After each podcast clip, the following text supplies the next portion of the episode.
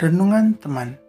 Yuk, cek rutemu sebelum langkah hari ini dan pastikan bahwa kita jalan serta Yesus, serta Yesus selamanya. Halo teman, yuk kita dengerin renungan hari ini.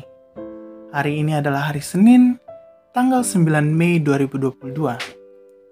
Mari kita berdoa. Tuhan Yesus, kami siap mendengar firman-Mu. Bersabdalah Tuhan.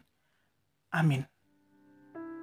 Pembacaan Alkitab pada hari ini terambil dari 1 Tawarik 1 ayat 17 sampai dengan 27 di bawah perikop daftar keturunan Adam sampai Abraham. 1 Tawarik 1 ayat 17 sampai dengan 27 yang berbunyi Keturunan Sem ialah Elam, Asyur, Arpaksat, Lut, Aram, Us, Hul, Geter, dan Mesek. Arpaksat memperanakan Selah, dan Selah memperanakan Eber. Bagi Eber, lahir dua anak laki-laki. Nama yang seorang adalah Pelek, sebab dalam zamannya penduduk bumi terbagi, dan nama adiknya ialah Yoktan. Yoktan memperanakan Almodad, Selef, Hazar Mawet, Yerah, Hadoram, Uzal, Diklah, Ebal, Abimael, Sheba, Ofir, Hawila, dan Yobab. Itulah semuanya anak-anak Yoktan. Sem, Arpaksat, Selah, Eber, Pelek, Rehu, Seruk, Nahor, Terah, Abram, itulah Abraham. Demikianlah pembacaan firman Tuhan. Perenungan dari Sabda Bina Harian Teruna berjudul Berkat Tuhan Lintas Generasi.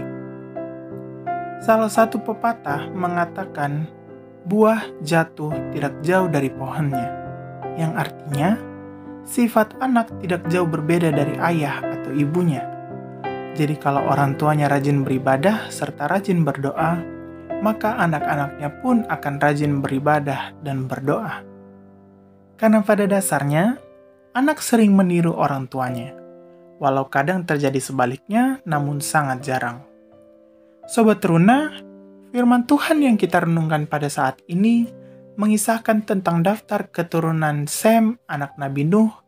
Dari keturunan Sem ini, kita mengetahui bahwa Abraham yang disebut sebagai bapak orang yang beriman adalah juga merupakan keturunan Sem kesetiaan dan ketaatan Sem sebagai leluhur Abraham juga ada pada diri Abraham.